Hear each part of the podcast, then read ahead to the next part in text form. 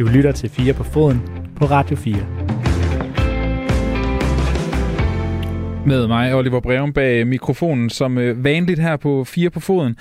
I en øh, time 2, hvor vi plejer jo at have et, øh, et helt tema. Øh, vi har delt det lidt op i dag, fordi at øh, nogle gange, så skal man jo også altså, vige fra sine øh, vante øh, regler, og så øh, gøre plads til, at der måske er nogle kilder, der ikke lige kan, når det hele passer. Og øh, det gjorde vi i dag, og det gjorde vi især fordi, at øh, det var den måde, vi kunne få Jeppe Brugs, skatteminister fra Socialdemokratiet, med på en, øh, på en telefon. Og det er vi kun glade for. Det er så godt. Vi skal tale med ham om lidt, og det skal vi, fordi at øh, regeringen er kommet med et øh, udspil til et forbud mod bettingreklamer. Det er, hvis du fastlytter noget, du ved, at vi har, har dækket meget. Socialdemokratiets konkrete udspil, det går ud på, at fra 15 minutter inden en sportsbegivenhed, det kunne være en fodboldkamp, til 15 minutter efter den her sportsbegivenhed, så skal der altså være et forbud mod bettingreklamer. Og øh, nu kan jeg så byde velkommen til øh, netop dig, Jeppe Bro, skatteminister fra Socialdemokratiet. Velkommen til. Tak for det.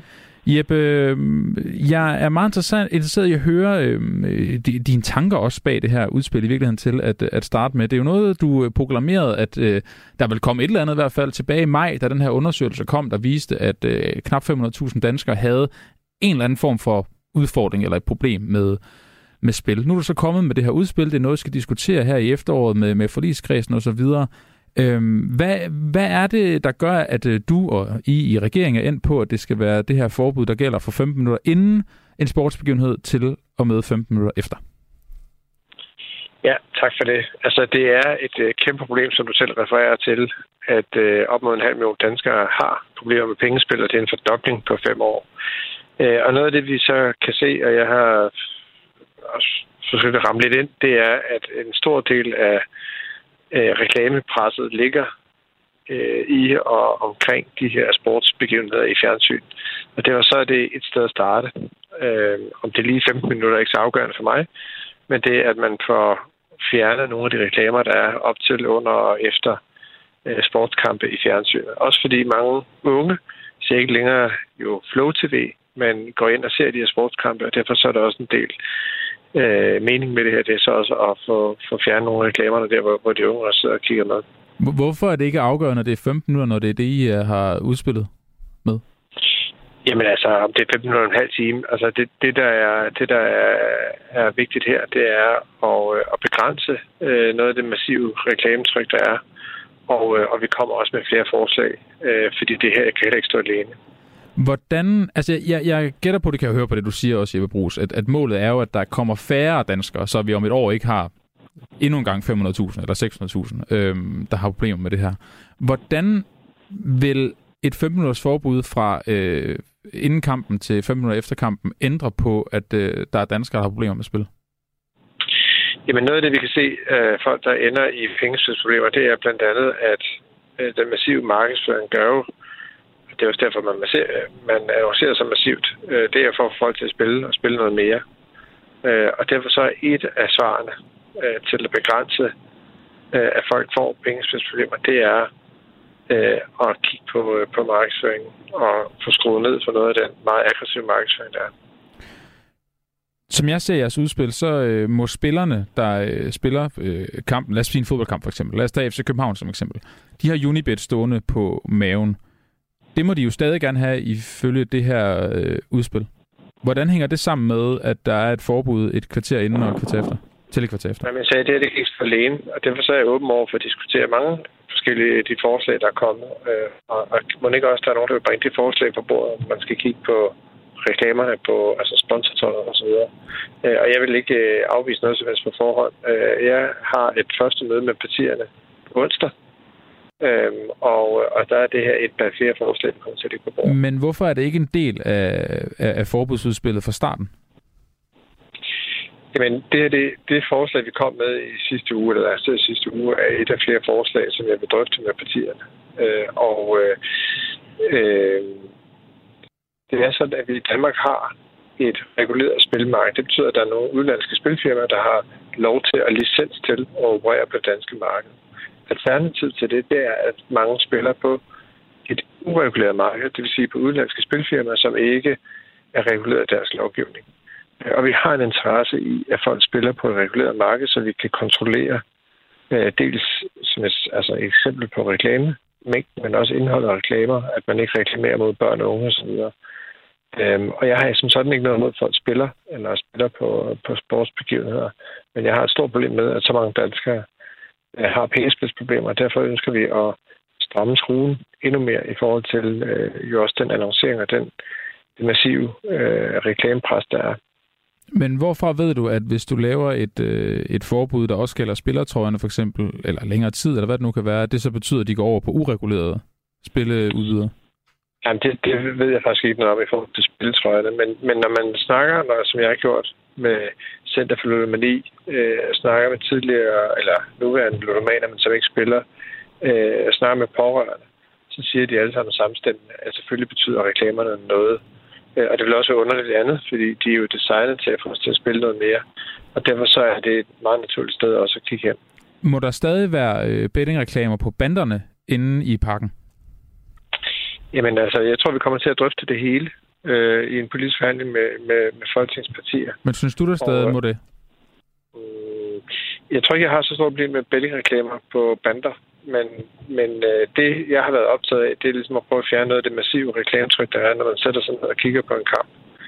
Øh, og så er det klart, så er man også nødt til at forholde sig til, øh, hvor er balancepunktet, og betyder det noget, om der for eksempel er, som du selv nævner som eksempler, altså reklame på trøjerne. Jeg tror, noget af det, jeg synes er et problem med reklamer på trøjer, det er, at mange børn og unge, ungdomsholdene osv., de render rundt med trøjer på med spilreklamer øh, selvom de er jo langt under 18 år, og sådan set ikke har lov til at spille. Øh, det er det ikke sikker på, at det er særlig smart. Men jeg er ikke sikker på, at jeg forstår, hvad forbuddet egentlig er, hvis det er sådan, at det kun gælder tv-reklamer, når der er bettingspons på fodboldtrøjer og bettingsponsorater på banderne. Nej, derfor kan det også godt være, at man skal forbyde det. Altså, jeg, det, jeg siger sådan set, at jeg er åben til at drøfte det hele. Øh, vi kommer til øh, at spille ud med forskellige ting, når vi mødes med partierne. Og, øh, og der er også andre partier, der har, har gode forslag. Øh, og i virkeligheden kommer vi til at drøfte det hele. Altså, vi kommer også til at drøfte øh, øh, reklamer på, som du selv nævner, på trøjer og på bander. Øh, og så må vi også drøfte med nogle af de professionelle aktører, der er på markedet og Center for så osv. Øh, fordi en balance mellem på den ene side og, øh, at få vendt den udvikling, der er, og som jeg indledningsvis sagde, øh, så kan vi jo godt forbyde alt, men hvis det så ender med, at folk spiller på et ureguleret marked, så er det ikke sikkert, at vi får færre ludomaner af det. Men hvorfor er det, du ved, at de går over på et ureguleret marked? Fordi før vi lavede et liberaliseret marked, altså før vi lavede licens tilbage i 2012, der var flere danskere, der spillede på et ureguleret marked. Så det, at vi har lavet en licensordning og reguleret marked, gør, at flere danskere spiller på det regulerede marked i stedet for det uregulerede marked. Det ved vi. Øh, og det vil sige, at der er selvfølgelig en antagelse i, at hvis vi helt stopper op for det regulerede marked, at man så vender tilbage i en situation, hvor flere spiller på det uregulerede marked, og det mener jeg ikke, vi er tjent med. Men, men der er, det er vel også netop kun en antagelse, fordi jeg, jeg, jeg kunne godt have fantasi til at forestille mig, lad os sige, at der kommer et, et, øh, et forbud mod bettingreklamer i, i fjernsynet. Så, øh, altså det udspil, I har lavet indtil videre, så glemmer folk jo ikke, at der er noget, der hedder danske spil, eller der er noget, der hedder øh, Unibet. Nej, det tror jeg ikke, de gør. Men det kan være, at de, dem, der sidder og kigger på en sportsbegivenhed, ikke bliver bombarderet med reklamer øh, undervejs og i pausen og før og efter. Nå, men det er jeg med på, øh. men det er mere i forhold til det med, at du siger, så bliver det, går de over på et ureguleret marked. Jeg, jeg kan ikke helt se koblingen til, at, at, at det skulle ske ved, at man forbyder endnu flere reklamer i længere tid, eller dem på trøjen, eller dem på banderne. Nej, nej, det er jeg sådan set enig i. Øh, og det er også derfor, jeg siger, at det afviser jeg sådan set heller ikke at, at kigge på. Øh, men men det, det, jeg bare snakker om, det er, hvis man laver totalforbud og siger, at der må ikke være reklamer for noget som helst, øh, så, så er vi lidt, altså, så vender vi lidt tilbage i en situation også, hvor der var, og før vi lavede et liberaliseret marked, hvor det var slaraffen for alle til at prøve på at operere. Ikke? Så, øh, så, så det er sådan prøv at finde balancen, og, øh, og, og det jeg har meget åbent selv i forhold til at drøfte det med folketingspartier. Har du øh, undersøgt øh, andre lande, hvor de er, er ret langt med det her? Øh, Belgien og Holland er jo, er jo i fuld gang med at etablere et, et mm. øh, ret vidtgående øh, bettingforbud. Øh, I Tyrkiet så vi, da FC København spillede dernede, der må de ikke have Unibet stående på, på trøjerne. Er, er det noget, øh, du har undersøgt, hvilken effekt det rent faktisk har? Ja, vi er i gang med at undersøge, hvad de gør. Øh, også kigge på, om de ved, hvad effekterne er af det. Altså, øh, fordi der er forskellige regler, når man kigger rundt i Europa og i verden. Øh, Øh, så, så det er jo noget af det, vi er i gang med at kortlægge og tage med ind til bordet med, med, med de andre partier. Jeg har øh, tidligere her i programmet talt med øh, en, en øh, spilfri øh, ludoman, der hedder Mads Ventelin Olesen. Jeg spurgte ham i, øh, i sidste uge, hvis nu det her forbud, øh, der gælder fra 15 minutter inden en sportsbegivenhed til 15 minutter efter, hvis nu det havde været der, da han var ung, øh, var han så ikke blevet ludoman? Og til det der svarede han prompte, jo, det var jeg blevet. Hvad, hvad tænker du om det svar? Det, det har jeg ingen grund til at betvivle, hvad, hvad man synes der. Jeg kan sige, at øh, når, når jeg snakker med ludomaner, altså også der, der ikke spiller i øjeblikket, øh, med pårørende med Center for Ludomani, øh, når jeg snakker om spilbranchen, så anerkender de jo også, at grunden til, at man reklamerer så massivt, øh, det er jo også for at vinde markedsdel fra hinanden. Øh, og, øh, og det er også derfor, det ligger et massivt Altså, det største reklametryk ligger der i omkring sportsbegivenheder og fjernsyn, og derfor er det et meget naturligt sted at starte. Jeg, jeg kunne godt tænke, at det er et tegn på, at det ikke er nok, det udspil, I kommer med.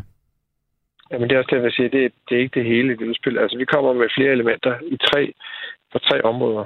Øh, det ene, det er reklamer, som vi snakker om nu. Så kigger vi på forebyggelse og behandling af ludomani. Og så kommer vi til at kigge på børn og unge, fordi der er også mange børn og unge, der sidder i og gamer, øh, som selvom de er langt under 18 år, i virkeligheden sidder og bruger penge, og øh, har det som en naturlig del af deres spil, øh, som minder meget om det at lave betting, når man bliver over 18 år. Så, øh, så, så der, kommer, der kommer en del flere elementer i, som jeg vil præsentere, når vi får partierne, når vi mødes med dem på, på onsdag. Der er også mange børn og unge, der tager med deres far eller mor ind til øh, fodboldkamp, og så kan se, at der er betting på trøjerne, eller at der er live odds hele tiden på, på banderne. Altså, hvor, hvor, jeg forstår stadig ikke helt, hvorfor det ikke er en del af udspillet. Jamen, det, det er også noget af det, vi kommer til at drøfte med partierne. Så, øh, Men er I interesseret i, at det, at det forbud kommer? Ja, jeg holder mig fuldstændig forholdsfri i forhold til at, at, at drøfte med de andre partier. Øh, og, hvis, øh, og hvis vi samlet set vurderer også, når vi bliver klogere på det, at det, at det bør være en del af pakken, så, så, holder, så holder jeg helt åbent over for, at det, men, det også men, synes du det? Jeg er lidt i tvivl. Altså, øh, jeg, jeg synes, vi skal begrænse reklamer og det massive reklametryk, der er. Øh, vi har også behov for at blive klogere på, hvordan det samlede set ser ud. Øh, og, og derfor så er jeg startet der, hvor reklametrykket er størst. Øh, og, og det er også derfor, jeg svarer helt ærligt. Det vil jeg bestemt ikke afvise. Men, men øh, øh, og i sidste ende, så er det en politisk beslutning af, øh, tror vi på, at det, øh, når vi laver en samlet pakke, at det så har den effekt, vi vil have. Øh, fordi det er noget, vi ved, øh, og så er der noget, vi ikke ved. Øhm, og øh, ja, og, og, og det er så den, det er så den, øh, det er så den drøftelse, vi tager med partierne, og selvfølgelig også med alle de aktører, der er på, øh, på i omkring øh, spilmarkedet. Okay, så skal jeg forstå det sådan, at hvis nu der er et, øh, et flertal SF, enhedslisten er ude af forligskreds, med SF og Radikale Venstre, og hvem ved jeg ellers, der siger, vi vil også gerne have et forbud mod øh, betting på trøjer og på banderne, så synes Socialdemokratiet også kommer i hvert fald til at holde åbent sind i forhold til, om, om det også skal inkludere det. Jeg vil ikke afvise noget på forhånd. Hvad, hvad er det, kan du komme ind på, hvad din øh, konkrete frygt er for, at hvis du alligevel vil lave et forbud 15 minutter inden til 5 minutter efter, hvad er frygten så på også at gøre det på banen, og når det handler om bander og trøjer? Jeg har ikke nogen frygt. Hvorfor altså, så ikke gøre jeg, det? Jeg, jeg, jeg tænker, at jeg forsøgte at svare rimelig ærligt her nogle omgange. Ja, det, det er fair, når du bliver ved med at spørge, så må jeg prøve at svare lidt, øh, lidt mere præcis, tænker jeg, når du nu bliver ved med at stille det samme spørgsmål. Øh, jamen, jeg har ikke nogen frygt for det, og, og jeg er også klar til det. Øh, når jeg ikke spiller ud med at lave totalforbud mod alle reklamer på én gang, så er det fordi, at jeg er i tvivl om, om det vil have en negativ effekt, hvor, hvor man øh, ender med, at man så forbyder alle de øh, firmaer, der er på det, altså på det, på det regulerede marked, og vi åbner op for, at flere spiller på et ureguleret marked. Øh, men hvor balancen går imellem, hvad vi vil tillade og hvad man ikke vil tillade, det holder jeg mig meget åben over i forhold til. Jeg har, jeg har fået nogle lytterspørgsmål, øh, Jeppe øh, Bo, som jeg også gerne lige vil, vil tage med til dig. Der er blandt andet, der hedder Søren, øh, der skriver, at hvis man gennemfører et forbud, så bør det gøres generelt. Gabler skal nok finde vej ind til spillestederne, men måske kunne man undgå nye tragedier ved altså lave et totalforbud. Mm. Altså de firmaer, der opererer på det danske marked, de er, altså der er få af dem, altså nogen, der har ud over danske spil, altså fysiske lokationer. Det vil sige, de opererer jo på nettet øh, eller online. Og, øh, og, og det er ligesom det, folk at give udtryk for med balancepunktet. Altså hvis man laver et totalforbud, vil man så have et mere ureguleret marked. Øh, og det, det, det er så det, vi må drøfte med hinanden i, i Folketinget. Så øh, skriver øh, Christian har sendt to sms'er, de, de ligner, ligner meget hinanden. Øh, vi kan lige tage den ene her først. Hvad er det videnskabelige belæg for, at ludomaner stopper med at spille, så frem de ikke ser en spilreklame 15 minutter før eller efter en sportsbegivenhed? Jeg ved ikke, om jeg kan pege på et videnskabeligt, sådan evidensbaseret øh, undersøgelse. Altså den undersøgelse, vi fik lavet før sommer, som viser, at når folk svarer på det samme spørgsmål nu, som de gjorde for fem år siden, så er der altså en fordobling i antallet af personer, der har pengespilsproblemer fra svært til mild grad. Den undersøgelse viser også, at det kan være svært at pege på en en-til-en sammenhæng mellem reklamer og ludomani. Der er bare nødt til at sige, at når man så snakker med ludomaner, når man snakker med Center for Ludomani, når man snakker med pårørende, øh, så siger de alle sammen til mig, jamen selvfølgelig betyder reklamerne noget. Og det vil også være underligt andet af den stund. Reklamerne er jo designet til, at vi skal spille og spille noget mere. Øh, så, så, så det er også derfor, det er meget naturligt at kigge på den meget aggressive markedsføring, der er betting. Men der er ikke nogen tal på det, at det virker? Vi er i gang med at kortlægge, og som du også selv spørger til, hvad gør man i andre lande? Hvad har vi at tal og viden? Øh, og det bliver også en del af det, vi kommer til at drøfte med, med, med folketingspartier. Men, men der er jo den kan man sige, evidens i, at når man snakker med Center for Økonomi og andre, øh, så er de jo ikke i tvivl om, at der er en sammenhæng mellem reklamer og spilleradfærd. Men kunne det ikke have været rart at vide inden, at man kommer med et udspil? Det ved vi også. Jeg har lige sagt, hvor jeg har min viden fra. Og når jeg snakker med, med spilfirmaerne, øh, så siger de jo også, øh, hvilket er helt åbenlyst, at når de designer spillene, øh, og øh, så, så gør de det jo for at vinde markedsdel for de andre, altså for at flytte nogle kunder over i deres egen butik, øh, og selvfølgelig også for folk til at spille noget mere. Det, det, øh, det er jo ligesom sammenhæng. Så øh, tager vi lige Christians andet spørgsmål. Det er, øh, hvad er det videnskabelige belæg for, at potentielle nye ludomaner spiller for første gang, så frem de ser en spillerreklame 15 minutter før eller efter en sportsbegivenhed? Det vender lidt tilbage til, til Mads Ventelin Olsen, jeg også talte med. Ikke sikkert. Altså, jeg, jeg, meget bekendt har jeg ikke et videnskabeligt belæg for at sige det en til en. Øh, jeg, jeg har jo forsøgt her at, at, at være åben om, hvad er det, der ligger til grund for det forslag, vi er kommet med. Øhm, og øhm, jeg kan godt gentage det, men, men jeg tænker både, du og lytterne er... Ja, ja. Øhm, Jeppe Bos, så øh, den overordnede målsætning, det, det, det vi lagde ud med, det var det her med, at der skal være færre, der har problemer med spil, som den her undersøgelse i maj viste. Hvor, yes. hvor mange færre skal der være, for at, øh, at, at du er tilfreds som skatteminister? Jeg synes, det er meget alvorligt og ekstremt bekymrende, at op mod en halv million danskere har problemer med pengespil, og at der er sket en fordobling på fem år. Hvis ikke vi gør noget, og at det tal fortsætter med at stige, så er det et meget alvorligt samfundsproblem. Og når man snakker med de folk, øh, der behandler ludomaner, for eksempel patienter for Ludomani i Odense, så siger du, at spiladfærd altså, og spilafhængighed reagerer rigtig højt over afhængigheder. Altså over for eksempel øh, et alkoholmisbrug eller øh, noget andet.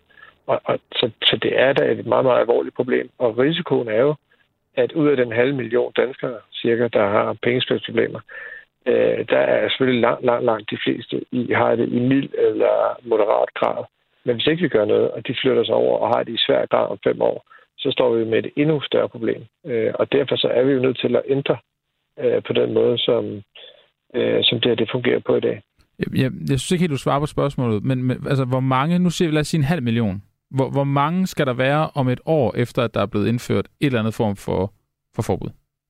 Jeg, kan ikke, jeg vil ikke sætte et tal på. Jeg vil bare sige, at vi skal have vendt den udvikling, så at der er færre, der får pengespilsproblemer, i stedet for, at der er flere, der får pengespilsproblemer. Og vi skal sikre os, at det kan vi nemlig også se, at der er en stigning i børn og unge i de her tal. Øh, øh, og det, det duer selvfølgelig slet ikke. Okay, så, hvis, så du er tilfreds, hvis der er 499.000 næste år? Øh, nej, Ja, jeg er tilfreds, hvis vi forventer den udvikling markant, men... men hvad, hvad betyder men, det? Jamen, det betyder jo, at der er færre, og at vi, når vi spørger folk om fem år, at der så er, er, er færre end, de, øh, end den knap halv million i dag. Om det tal hedder 300.000 eller 200.000, det tror jeg er meget svært at sætte en formel på.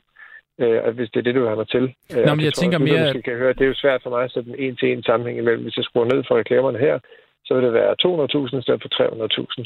Det er ikke sikker på, at man kan, og derfor vil jeg ikke svare det på den måde. Men jeg, jeg tænker mere, at det jo er, vil være rart for, en, for dig som politiker, men det er også noget, man normalt ser, der bliver sat konkrete mål for, hvornår noget lykkedes. Det gør vi jo lige nu i ekstremt meget inden for, inden for klima. Men mit, mit konkrete mål, det er, at vi vender den udvikling, så ikke der, der bliver færre, eller flere, men der bliver færre, der har pengespidsproblemer.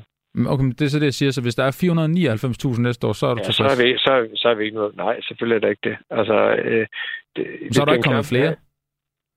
Ah, nej, men det, det er ikke, fordi der skal være én færre. Altså, okay. Der, der skal være færre. Men du vil ikke sige, hvor mange færre? Nu har jeg forsøgt faktisk ærligt og ærligt at argumentere for, hvorfor det vil være useriøst af mig at sige, at det er 405.000 eller det er 375.000. Altså, vi skal vente den udvikling, der skal være, der skal være færre, der har pengespilsproblemer, og vi skal sikre os øh, at gøre noget ved den faktum, at, øh, øh at, at, øh, at flere børn og unge får pengespilsproblemer. Det synes jeg er stærkt bekymrende.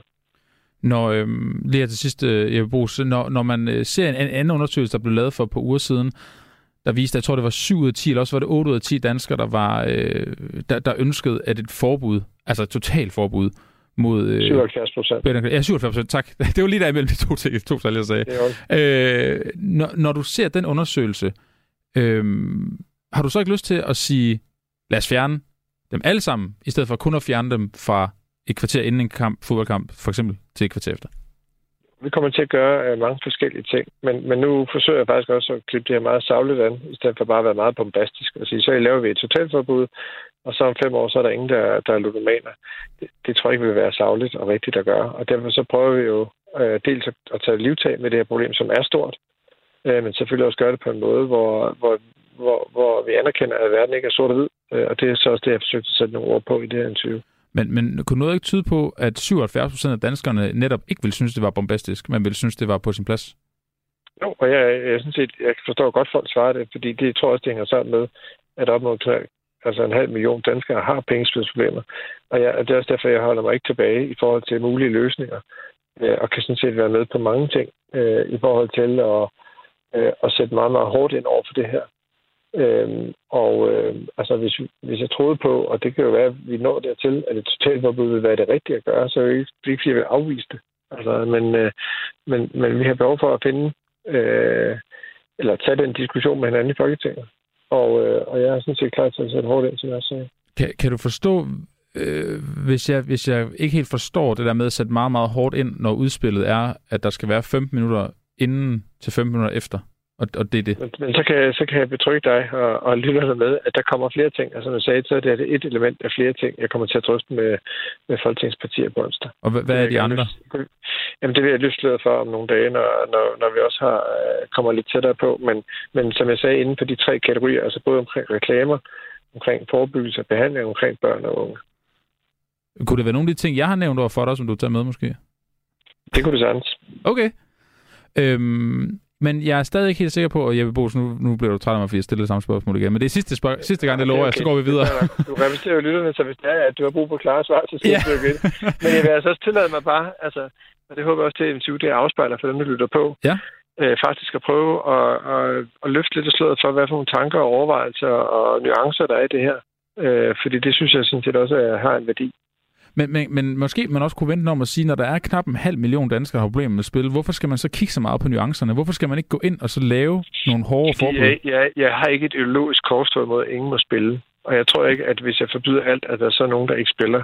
Jeg er nervøs for, at hvis vi forbyder alt aktivitet på det her, om det så betyder, at der er flere, der sidder og spiller på, øh, på firmaer, de finder på nettet, som, ikke, som vi ikke kan regulere eller sætte ind overfor. Men blander du ikke tingene sammen nu? For det handler ikke om at forbyde, at folk spiller. Det handler om at forbyde, at de kan se, at du kan spille. Jo, men eftersom en del af de her firmaer opererer alene på nettet, og altså, så, så øh, det at lave totalforbud mod reklamer eller noget andet, at man slet ikke må give sig til kende, så, så er det der, jeg tror, vi har, blive, har brug for at blive lidt klogere på, hvor går balancen imellem på den ene side sætte hårdt ind over for det her, og på den anden side stadigvæk sørge for, at vi har et reguleret marked. Men vil, vil du kalde det at sætte hårdt ind over for det, og, og lave et forbud fra et kvarter inden en kamp til et kvarter efter? Hvis det stod helt alene, og det var det eneste forslag, jeg havde, så ville jeg sige nej. Men det er det så heldigvis heller ikke. Ah, men det, der, er det, der er det jo træls, du ikke vil afsløre de andre ting, kan man sige. Ved hvad, vi kan, jeg stiller gerne op til 20 igen næste uge, og så kan vi jo tage en snak om de øvrige elementer også. Ja, Bo, det, det, det synes jeg er en fin måde at afslutte på. Lad os, lad os gøre det. Det var på onsdag, du kom med, med yderligere tiltag.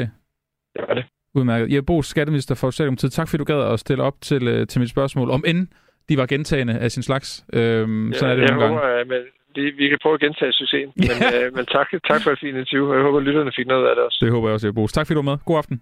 Er godt. Hej. Hej. Radio 4 taler med Danmark. Sådan er det nogle gange som, øh, som journalist. Så skal, bliver jeg så nødt til at gentage spørgsmålet, hvis ikke jeg synes, jeg har, øh, har fået et øh, svar. Jeg ved godt, at det også kan være irriterende at øh, lytte på som, øh, som lytter. Jeg håber, I var, I var med derude. Jeg Bos var heldigvis med på den, og vil jo gerne svare igen og igen og igen. Så det er jo, er jo skønt. Spændende synes jeg, at det bliver afsløret her, at der kommer øh, flere tiltag på onsdag. Øh, om det så bliver nogle af dem, jeg nævnte øh, her i forbindelse med interviewet, altså at der skal være et, øh, kan være et forbud på trøjer, på bander osv., øh, er ikke bander som i kriminelle bander, banderne rundt om fodboldbanen. Det må vi jo, øh, det må vi jo så kigge på. Og der var jo så øh, en invitation til at lave endnu et interview på den anden side af onsdag, når vi har, øh, har hørt om de yderligere forslag, som Socialdemokratiet kommer med. Og det er jo en invitation, som øh, hverken jeg eller redaktionen kan sige nej til. Så det synes jeg, øh, det synes jeg klart bare er noget, vi skal, øh, skal kigge på. Så vil jeg gerne sige tak til øh, jer, der har skrevet ind. Jeg tror, jeg nåede de fleste af spørgsmålene. Nu kigger jeg lige over på det. Der er en her, der har skrevet, Frank, langt de fleste ludomaner er drenge og mænd. Det er derfor ikke et ligestillingsproblem. Det haster. Derfor haster det ikke. Okay, Frank. Det ved jeg ikke. Det synes jeg faktisk ikke er en ordentlig sms. Nu læste den op alligevel. Det kan man tage som, hvad det er. Øh, de andre har været fine, og jeg er glad for, at, øh, at I har givet at sende dem ind, og at øh, I har været med til at, øh, at stille nogle spørgsmål til, til Skatteministeriet Brugs. Vi må se, hvad der sker på onsdag, og, og kigge videre. Radio 4 taler med Danmark. Nu skal vi til at tale om noget, som øh, jeg har altid haft sådan lidt svært ved at greje, hvad egentlig er, og det er økonomien i europæisk fodbold. Jeg kan konkret nævne, at jeg har en, en, en del håndfuld venner, der er øh, FC København-fans, og da de kvalificerede sig til øh, Champions League, så råbte de, der kommer 270 millioner i kassen. Åh, det bliver helt vanvittigt. 270 millioner. Og det, det er der mange penge, det er da flot. Øh, dagen efter i medierne, så siger alle, at FC København tjener 200 millioner. Og så bliver jeg forvirret. Fordi i går der stod de der fans og sagde 270 millioner. Jeg vil så sige, at jeg lavede ret hurtigt den konklusion, at det nok var eller Nyhederne ret dagen efter, og ikke de der euforiske øh, fodboldfans. Men alligevel, det er ret interessant det her, fordi en ting er, at du får nogle tv-penge, og du får nogle penge for ligesom at være kvalificeret til de forskellige europæiske turneringer. Noget andet er, at der også er et efterfølgende pengesystem. Hvis nogen derude, og det ved jeg, der er, har spillet fodboldmanager, så ved man også godt, at hvis du vinder en kamp, så får du x antal millioner. Hvis du øh, spiller uafgjort, så får du x antal millioner. Og jeg tror jeg faktisk, ifølge det spil, så tror jeg faktisk også, du fik penge for at tabe. Og jeg aner ikke, om virkeligheden er sådan. Og derfor er det jo selvfølgelig noget, vi har sat os for at undersøge. Især fordi, at hele casen i dansk fodbold lige nu er ret interessant. Det er jo nemlig sådan, at vi har FC København i Champions League, vi har FC Midtjylland i Europa League, og så har vi Silkeborg IF i Conference League. Altså de tre europæiske turneringer, der jo hver især har tre forskellige økonomiske gevinster med sig. Hvordan det så hænger sammen, det er det, vi skal blive klogere på nu. Det er i den her uge, at der bliver taget hul på de europæiske gruppespilskampe, som sagt, FC København Champions League, Midtjylland Europa League, Silkeborg Conference League. Da FC København de spillede den øh, afgørende kvalifikationsrunde, så var det som sagt, at nogen sagde 200 millioner, og andre sagde 270 millioner. Silkeborg, de røg ud til øh, Helsinki og skal dermed spille Conference League, og så Midtjylland, der så skal spille øh, Europa, øh, hvad hedder det, Europa League.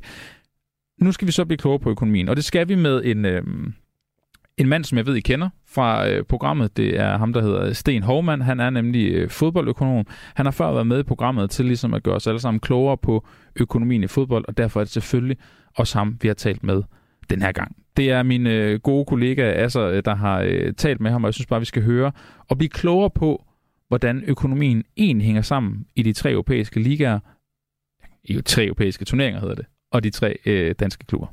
Sten Hovmand, du har tidligere skrevet, at der er fem primære indtægtskilder for en god Superliga-klub. Kan du ikke lige prøve at rise op for vores lyttere, hvad det er for nogle øh, ting, klubberne primært tjener deres penge på i Danmark? Jo, det er helt korrekt. Øh, der er fem, øh, man kan sige, der er også seks, øh, og den sjette skal jeg da gerne nævne lige om lidt. Men hvis vi tager dem, så den første, og som for mange klubberne er den vigtigste og mest stabile, det er, det er tv-pengene. Og i Superligaen, jamen der har man øh, lidt over 300 millioner om året til, øh, til, til fordeling mellem klubberne, og det er, den, den er vigtig. Så kommer øh, den anden, det er sponsorindtægterne, og der er det jo klart, at jo større klubberne er, jo større sponsorindtægter har de, og jo mindre en klub er, jo mindre sponsorindtægter. Så har man muligheden for det, der hedder matchday-indtægter. Det er dine entréindtægter, det er din sæsonkort, som også hører med i det her. Og så er det, hvad du kan sælge af, af øl og vand, pølser og andet, som du nogle gange kan sælge på dagen. Øh, typisk så smider man også de ting ind og på matchday, som har med, øh, hvis du kan sælge trøjer, trøjer og lignende, halsterklæder osv., selvom mange klubber trods alt også har en, en klubshop efterhånden. Øh, men, men der er pengene ikke så store endnu, medmindre vi snakker i store klubber. Og det meste, man sælger, det er på matchday. Så har man den øh, fjerde, som er, som er præmiepenge ude i Europa, øh, og der er tre muligheder. Den øh, første er selvfølgelig Champions League, det er de helt store penge. Så er der Europa League, det er noget mindre, og så er der så den nye liga, som er kommet fra UEFA, nemlig Conference League.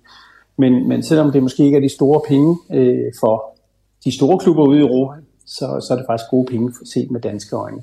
Så er der spillersalg. Jamen har du mulighed for at tjene penge på, på spillersalg, og det har vi haft nogle klubber, der har været rigtig, rigtig dygtige til enten ved at sælge nogle, øh, nogle unge spillere, som man giver masser af spilletid. Der er Nordsjælland et øh, rigtig godt eksempel. Eller hvis du har europæisk succes, og faktisk har nogle spillere, som, øh, som er så dygtige, at de kan begå sig i Champions League, og så kan man sælge videre der. Det er typisk de to typer spillere, som, øh, som man kan sælge. Og den sjette mulighed, det er jo selvfølgelig, hvis du har en øh, glad ejer, som er klar på at spytte penge i kassen, hvis der, hvis der mangler penge. Øh, og det har øh, mange fodboldklubber, ikke kun i Danmark, været, øh, kendt for, at der manglede lidt penge i kassen i nyere så, så det er de fem øh, primære indtægtskilder, og så har man den sjette, som er, som er en fodboldejer, der kan gå ind og, og spæde til. Og, og den sjette, det kan man jo ikke bare gøre ubegrænset. Der skal jo også nogle indtægter i forhold til de her nye øh, Financial Fair Play-regler. Er det ikke korrekt? Jo, det er der. Øhm, I Danmark har vi ikke etableret øh, Financial Fair Play-regler, øh, men skal du være med i UEFA's øh, holdturneringer, øh, de tre turneringer, jamen så øh, er der nogle regler, som man skal leve op til. Der kommer fra, øh, fra UEFA side, der kommer der en opdatering på det her Financial Fair Play. Øh, om hvis man sådan lidt, lidt leger med ordene Financial Fair Play, så, øh, så er det, altså fair play, det er måske mere, det kunne være mere interessant at sige, hvordan kunne vi sikre os, at der faktisk var økonomisk styring, således at klubberne ikke øh, havde røde advarselslamper hængende, som nogle klubber notorisk har år efter år, og, øh, og kører med underskud efter underskud. Og det er jo fint at købe med underskud, så længe man har nogle ejere, som er klar på at tage gæld. Så, så er det som sådan fint nok. Men det her med at få en lidt mere økonomisk styring og en øh, bedre økonomisk bæredygtighed, det vil være rigtig fint. Men der vil ikke nogen af de danske klubber, der deltager i de europæiske turneringer, der, der øh, skal være nervøse for det her financial fair play? Nej, ikke, ikke som det er nu. Øh, så øh, ser det faktisk fint ud for de danske klubber. UEFA har ikke helt løftet sløret for endnu helt præcis, hvordan de definerer nogle af, nogle af de her lidt forskellige tiltag, som der kommer i det nye øh, setup, som, som kommer. Øh, og der, der, er nogle, der er nogle ting i det, øh, som jeg da i hvert fald er meget nysgerrig på, hvordan er det egentlig lige, de mener det her. Øh, og det er for eksempel i forhold til din løn, i forhold til, til omsætningen, der har UEFA ikke meldt ud nu, om det er nettoomsætning, eller om det er omsætning med transfer. Øh, som det er i dag, så øh, må du bruge cirka 70, eller ikke cirka, du må bruge 70 procent af din øh, omsætning på, på, på spillerløn. Og der ligger øh, i den nye, der, der, der tyder det på, at det er med transfersalg. Øh, og så vil sige, så er det en omsætning, og ikke din nettoomsætning. Forskellen på samlet og netto, det er, at netto det er, det er uden transfer. Øh, og samlet, det er med transfer. Og det vil sige, så, så de klubber, der er gode til at sælge, så har de faktisk mulighed for at få et lønhof, der, der er højere. Men der ligger også nogle andre ting i det, hvad der skal trækkes med, og hvad der ikke skal trækkes med. Øh, der snakkes om, at man gerne vil have trænertruppen. Øh, I Danmark, der offentliggør vi ikke, hvad, hvad trænerteamet, hvad de har i løn. Øh, hvis du går til de store klubber i Europa, så oplyser de faktisk typisk i deres regnskab, hvad er lønsummen for, for trænerteamet. Men skal det så forstå sådan, at potentielt kan det hvis reglerne går i den retning, som, som du øh, forudsiger, betyder, at det bliver endnu vigtigere for, for de danske klubber at kunne sælge spillere? Jeg tror, at danske klubber, der er det vigtigt for dem at sælge spillere. Det, det er simpelthen bare et, et vilkår, hvis man vil være med, øh, medmindre man er så øh, bæredygtig, stærke, økonomisk bæredygtig, at, det, øh, at man, man ikke er presset til det, men, men alle klubberne er, er presset til det. Øh, FC Midtjylland de er udfordret, hvis de ikke sælger spillere. FC Nordsjælland, de kører også med underskud, hvis de ikke sælger spillere. Øh, FCK kan, øh, når de øh, rammer jackpot og kommer i Champions League, så, så kører det fint for dem.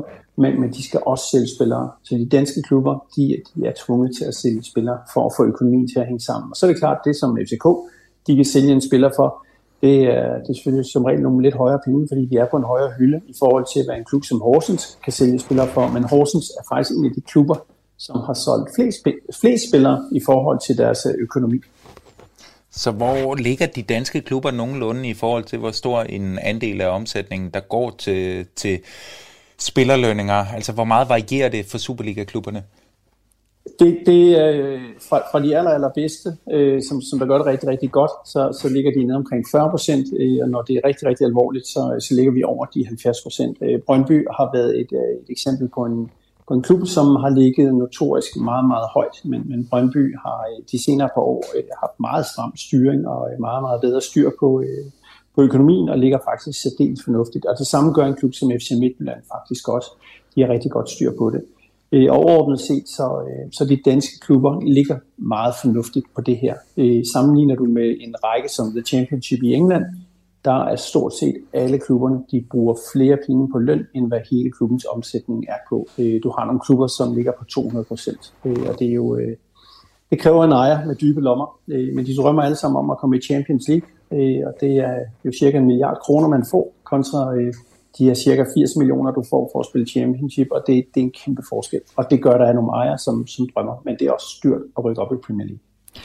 Og noget af det, der kommer nærmest Premier League, det er Champions League. Og øh, der har man blandt andet kunne læse, at FCK de spiller om 200 millioner kroner. Kan, kan du ikke lige prøve at rise op, hvad klubberne i første omgang får, altså de danske klubber? Hvad får FCK ved at kvalificere sig til Champions League, Midtjylland til Europa League og Silkeborg til Conference League? Jo, vi starter med, øh, med, med den tunge gruppe, øh, Champions League, hvor de store penge er. Det er sådan, at øh, UEFA jo allokerer midler til, øh, til, til de forskellige turneringer. Og Champions League, de får 58 procent, Europa League får 13 procent, og Conference League, de får øh, 6,7 procent. Og hvis vi så skal have en øh, lille teaser, så øh, får kvindernes øh, Champions League, de får 0,003 procent af, af, af hele det her budget. Så, så kvindefodbold, det fylder forsvindende lidt. Men det er en helt anden diskussion. Tilbage til, til FCK.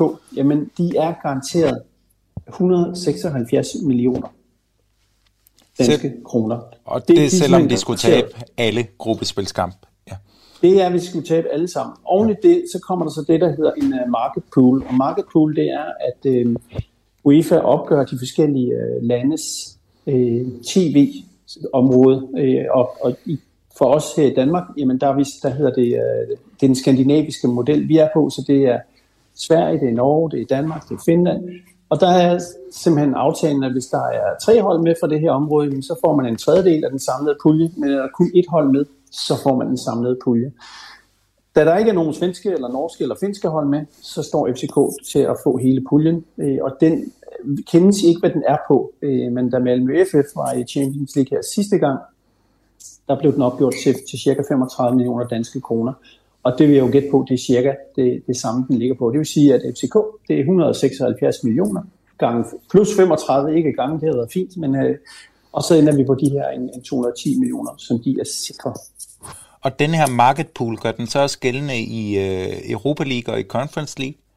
Nej, øh, den, den er på, på Champions League. Øh, jeg har prøvet at være inde og lige se, om der egentlig er noget omkring de her ting, men, men øh, jeg, kan ikke, jeg kan ikke komme ordentligt ind og se tingene på det. Øh, så så der bliver jeg lige svar skyldig.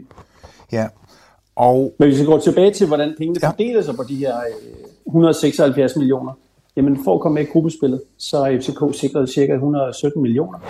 Og øh, så får de det, der hedder, at deres rangering, man har noget, der hedder en øh, UEFA-koefficient, og der får, øh, fordi UEFA, de har været ganske, ganske dygtige i FCK gennem mange år, og der er der simpelthen en fordeling i forhold til, hvordan du har klaret det de sidste 10 år. Og alene på den, der scorede det lige små knap 60 millioner kroner FCK. Så hvis Midtjylland nu havde kvalificeret sig i stedet for FCK og var det eneste skandinaviske hold, hvad havde de så ligget på cirka? De, de havde ligget på, øh, på det laveste beløb, øh, som er i det, og det er... Uha, det er et godt spørgsmål, det kan jeg ikke huske lige i hovedet. Øh, men, men det havde været det laveste, fordi de ville have haft en rangering, der var så lav i forhold til de andre. Og, øh, og hvad så med øh, kvalifikation til Europa League og til Conference League? Hvad, øh, hvad ligger den i for Midtjylland og Silkeborg? Jamen, FC Midtjylland, de er garanteret øh, 38 millioner. Og det baserer sig på, at du får cirka 27 millioner for at kvalificere dig til gruppespillet. Og deres øh, 10-årige øh, rangering, den øh, giver dem lige knap 11 millioner kroner. Øh, så sådan samlet set, så, øh, så er de sikret de her øh, 37-38 millioner danske kroner. Det er de simpelthen garanteret. Og hvis du tager Conference League, jamen Silkeborg er sikret øh, lige små 25 millioner, og det kommer så på øh, 22 millioner, du er garanteret via dit gruppespil, og så den her 10-års rangering, som giver dem cirka 2,3 millioner. Så på den måde så øh, små 25 millioner til, til Silkeborg. Så bliver det selvfølgelig interessant, fordi man har både Champions League og Europa League og Conference League. Jamen der får du øh, ekstra penge, hvis, øh, hvis du vinder eller får uafgjort. I Champions League der får du cirka 21 millioner for en sejr. Du får små 5 millioner for en sejr i Europa League, og du får cirka 4 millioner for en sejr i, uh, i Conference League. Så, så pengene er meget, meget større i Champions League, øh, end det er de to andre. Men det er gode penge for danske klubber. Og forskellen virker jo ikke så stor på, på Europa League og Conference League. Altså, øh, kan man potentielt godt øh, se Silkeborg komme til at tjene flere penge, end FC Midtjylland gør i, i en lidt bedre europæisk turnering? Det kunne man godt. Øhm, specielt hvis de har muligheden for at gå videre. Nu, sige, nu er det, øh, det, er en god hold, som Silkeborg også er kommet i pulje med. Vesthang, som jo slog Viborg ud, og så øh, det, der hedder Støjer Bukarest i gamle dage. Altså andre lægt. Men men da der ikke er en stor forskel på, om øh, der er cirka en million for at vinde en kamp, øh, og det er 300.000 for en uafgjort, så kan man sige, så er der, øh, så, så, det er ikke en stor forskel, der ligger der. Forskellen den ligger, hvis man går videre. Øh, vinder du din gruppe i Europa League, jamen, så er du sikret 8,2. Vinder du din gruppe i Conference League, så får du 4,8 millioner. Og, det, og så får du halvdelen, hvis du bliver nummer to. Så, så hvis, hvis de gør det godt i, øh, i Conference Silkeborg og ender med at gå videre, jamen, så kan de faktisk godt ende med at tjene flere penge, end hvad FC Midtjylland gør. Også fordi FC Midtjylland selvfølgelig er en, er en hård pulje. Men går man videre, jamen, så er det klart, så er, der, så er prispengene bedre. Ja, og så er der jo det her med, hvilke hold man trækker. Man snakker tit om, skal man have en kassekamp, eller skal man have en sportslig, øh, mere medgørlig modstander. Altså nu kan vi tage Silkeborg, de har trukket West Ham, og det er jo et rimelig stort hold, hvor man kan forvente, at der bliver et udsolgt stadion. Hvor meget betyder entréindtægterne i, i de her europæiske turneringer? Der er ingen tvivl om, at klubberne kan hæve prisen på det her. Øh, og det, der er interessant, det er jo selvfølgelig, at øh, man som sæsonkort indehaver lige øh, er opmærksom på, hvad har jeg egentlig ret til, at det er med, eller er det uden øh, de her europæiske kampe. FCK har jo selv ret mange sæsonkort, øh, og så hvis de har de her, øh, er det 12-13.000, som, øh, som de har, som de har solgt, jamen, så, så er der jo allerede råd så mange billetter, så kan du jo ikke sælge dem en gang mere. Så, men der er ingen tvivl om, man kan, man kan man hæver prisen til de her attraktive kampe, og forhåbentlig så øh, får man da også et pænt udbytte af det, og der kommer også noget salg. Men de store penge for klubberne, de ligger i forhold til de her præmiepenge. Det vil sige, dit gruppespil, deltagelse og de sejre, de uafgjort, du kan få. Og går så videre, jamen, så ligger der jo store penge. Så ud fra et økonomisk perspektiv, så, så skal klubberne håbe mere på, på en, øh, en mindre attraktiv modstander, der måske er mere sportslig overkommelig end, end det modsatte. Ja, det er ingen, ingen tvivl om det. Selvfølgelig så er det, øh, så, så er det rart øh, at, at få West Ham, som sikkert trækker en del engelske tilskuere til sig, til, til stadion, og man får også øh, sikret sig de her tre gruppekampe. Øh, men går de videre, Silkeborg, så, så, så ligger der 4,2 millioner kroner og venter på dem. Øh, og det, det er mig væk en, en OK slat penge. Øh, hvis det er FC Midtjylland, der går videre for deres pulje, så er det 9 millioner. Går FCK videre, så er det 72 millioner kroner. Og øhm, så er der jo nogle afledte effekter. Altså har man nogle indikationer af, hvad det betyder for klubberne at, at deltage i de her europæiske gruppespil? Altså ved man procentvis, hvor meget mere man, man kan sælge en spiller for, hvis, hvis de har Champions League-erfaring? Eller er der nogle andre af de her parametre, som du har fortalt, øh, klubberne tjener deres penge på, øh, hvor man med god grund kan, kan tænke, der kommer en masse positive afledte økonomiske effekter af at have været med i Europa? Hvis det nu viser sig, at Andreas Cornelius han lige laver øh, 5-6 mål i gruppespillet, så er der ingen tvivl om, hans værdi som spiller, den stiger. Øh, og så kan vi så snakke hans alder øh, med, hvor meget kan man så sælge ham for, fordi der er måske ikke så meget mere. Øh, hvis den klub, der køber ham, de kan nok ikke sælge ham igen for det store.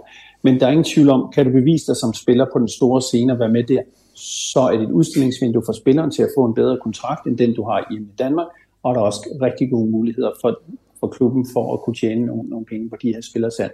Så der er ingen tvivl om, kommer man op på den hylde, jamen så handler det om at have nogle spillere, der er dygtige nok.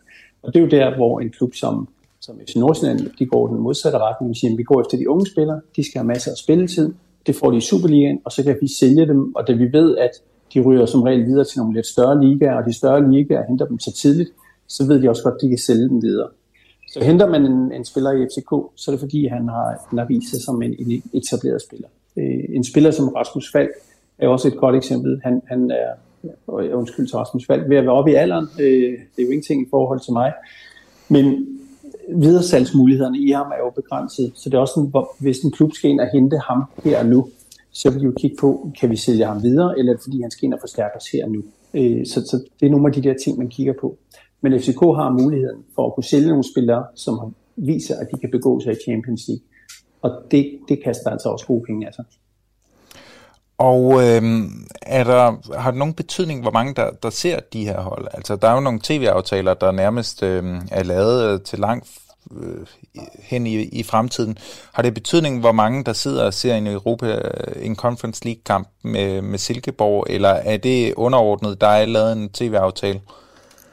Det, man kan sige, at tv-aftalerne er lavet. Øh, man kan selvfølgelig sælge den enkelte kamp, øh, og hvad, hvad prisen for en, for en kamp er, det er som regel øh, rimelig hemmeligt. Øh, men, men der vil jeg gætte på, at det heller ikke er det, de, altså, det er gode penge, men det er ikke det, der er de helt store penge. De store penge, det, det er de her præmiepenge, som der ligger i det. Øh, men det er klart, tv-indtægterne, de kommer jo oveni. Øh, FCK, som vi snakkede om, de garanteret de her cirka 35 millioner. Øh, og, eller de beløb, som Malmø FF fik. Om det er så steget eller mindre, det ved vi ikke. Men, men det er nok den størrelsesorden, plus minus 10 procent, der ligger i det. Men en anden afledt effekt, som mange måske ikke er opmærksomme på, det er øh, den bonus, der ligger til en spillertrup.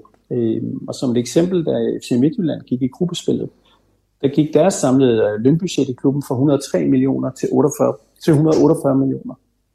Og det, det, det har jo betydet, at de har haft en bonus på, øh, på, på nok 40 procent for at gå med.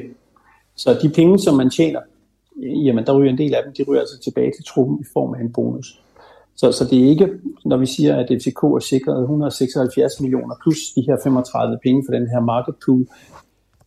Hvis det er 40 procent af dem, der ryger tilbage til, til, til spillerne, så, så øhm, altså, det er stadigvæk gode penge til FCK, ingen tvivl om det. Men der er en pæn bonus, som man lige skal være opmærksom på. Man så det samme med Brøndby, da de vandt det danske mesterskab, og de også klarede sig godt i Europa året efter. Det var en øh, samlet stigning på cirka 20% på deres personaleomkostninger, det vil sige lønbudgettet har indeholdt en bonus på omkring 20%. Og så opstår der indimellem en diskussion, hvor øh, det bliver diskuteret, om det er godt eller dårligt for dansk fodbold i form af spænding i Superliga og ulighed, at, at holdene kommer med i Europa, og FCK for eksempel kommer med i Champions League og, og får adgang til de her mange millioner. Kan du sige noget om, øh, om, om det øger uligheden, eller om det hæver bundniveauet, fordi at FCK så går ud og bruger nogle af pengene på, på spillere i Superligaen. Hvad, hvad er fakta her? Der er ingen tvivl om, at, at FCK de kigger jo på det danske marked også. Hvad har vi af dygtige spillere, som vi kan hente til? Øh, og FCK er jo rigtig gået ind på, øh, på det unge marked også for at få fat i de unge spillere. Så der er ingen tvivl om, at der er nogle af de penge, som de tjener, det trykker jo af længere nede i systemet. Men der er ingen tvivl om, at når du tjener så mange penge, jamen, så bliver der en større ulighed.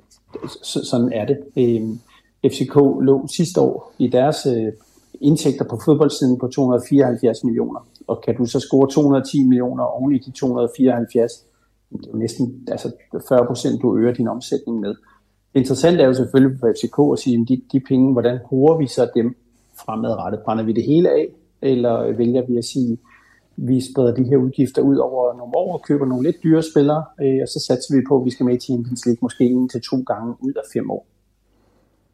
Men der er ingen tvivl om, at pengene fra FCK, som de tjener, de kommer også nogle af de danske klubber til gode.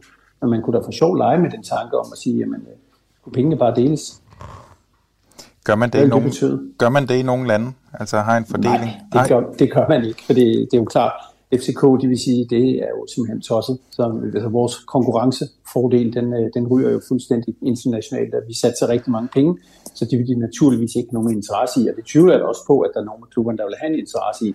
Men det er jo et interessant aspekt at gå ind og kigge på, ikke mindst på den tv-aftale, man har i Superligaen. Skulle man lave den om? Øh, den er lige nu fordelt op på, at du får en øh, solidaritetspulje, så får du, altså hvor alle får lige mange, så får du i forhold til, hvor ofte du er på tv, og så er der i forhold til, hvordan du, øh, du, du placerer dig i ligaen. Og det kunne jo være sjovt at sige, hvis der er de her cirka 330 millioner, øh, og så man divideret med 12, jamen, så fik hver klub det samme. Men hvor ofte er du på tv?